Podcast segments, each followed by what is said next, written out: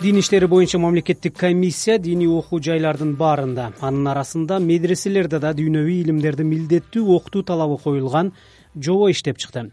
Эгер аны өкмөт бекитсе география тарых кыргыз тили жана адабияты э, жана башка сабактар окуу программасына кириши кажет. Бирок дүйнөвүй илимдерди ким окутушу керектигин аныктаган механизм азырынча так эмес. Муну мугалимдер менен жекече келишим түзүү аркылуу ишке ашыруу маселеси каралып жатат жобонун максаты жаштарга диний амалдарды гана үйрөтпөй алардын дүйнө таанымын ашыруу. Биз жана дин берүүсүнүн алкагында биз муфтияттын руханий билим берүү башкармалыгынын башчысы акимжан эргешев менен ушул темада маектешебиз. Акимжан мырза диний билим берүүнүн тартибин жөнгө салган жобонун долбоору иштелип чыкканынан э, кабарыңыз болсо керек муфтияттын ага көз карашы кандай? Бул э, бул жобо чындап эле биздин мамлекеттик өкмөт тараптан бекитилген эң алгачкы диний билим берүүнүн жобосу катары кабыл алынат да.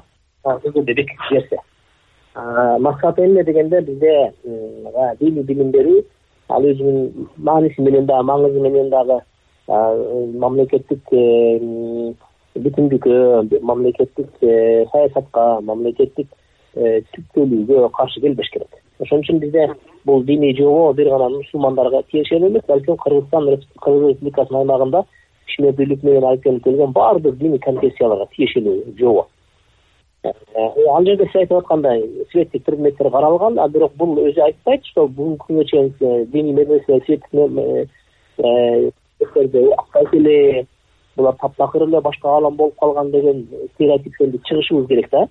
Эмне үчүн буга эки себеп бар негизги себеп.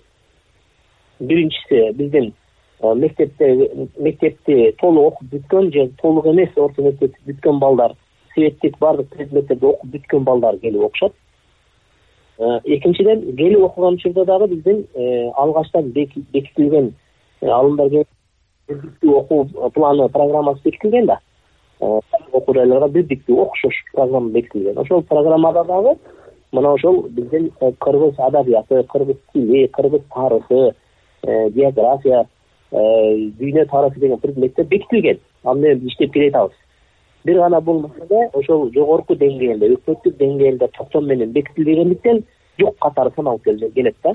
Эгер э, мурдатан бар болсо ал сабактарды балдар кыздарга кимдер окутушат? Медреселерде биз кадимки эле жаныбызда мектептеги эжекейлерди мындайча айтканда акы төлөп аларды алып келип эмне кылабыз? Эми агайларды сабак бердиребиз медресе менен орто мектеп ортосундагы болгон кызматташуу келишимдин аркасында эмне кылышат бизге жардамга келишет. Албетте бул жерде диний предметтерге келген учурда кимдин диний билими диплому бар болсо ошолор берет светтик предметтерди светтик э, диплому бар агайлар э, эле адискөйлөр беришет светтик предметтердин зарылчылыгын э, кандай негиздейсиңер?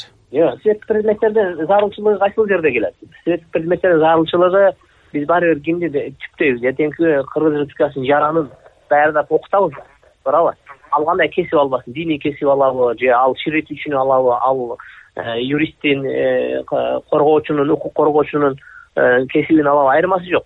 Ал ким болгон учурда деле эртеңки күнү биздин коомдун бир мүчөсү катары түптөлүш керек.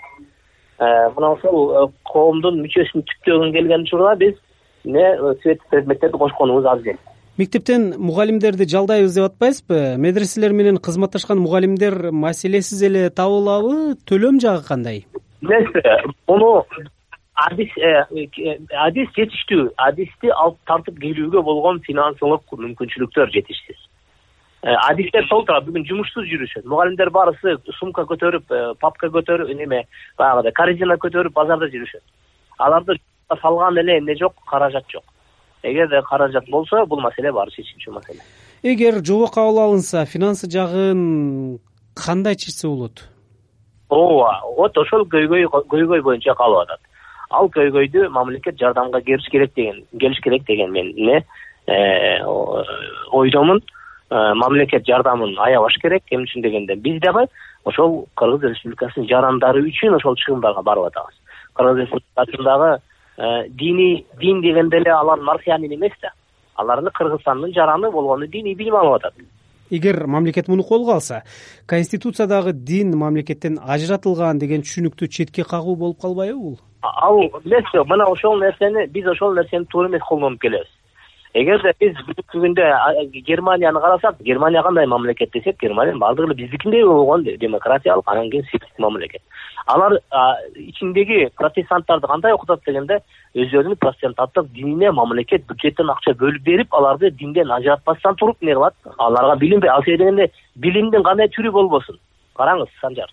Билимдин кандай түрү болбосун? Мамлекет аны өз жарандарына берүүгө милдеттүү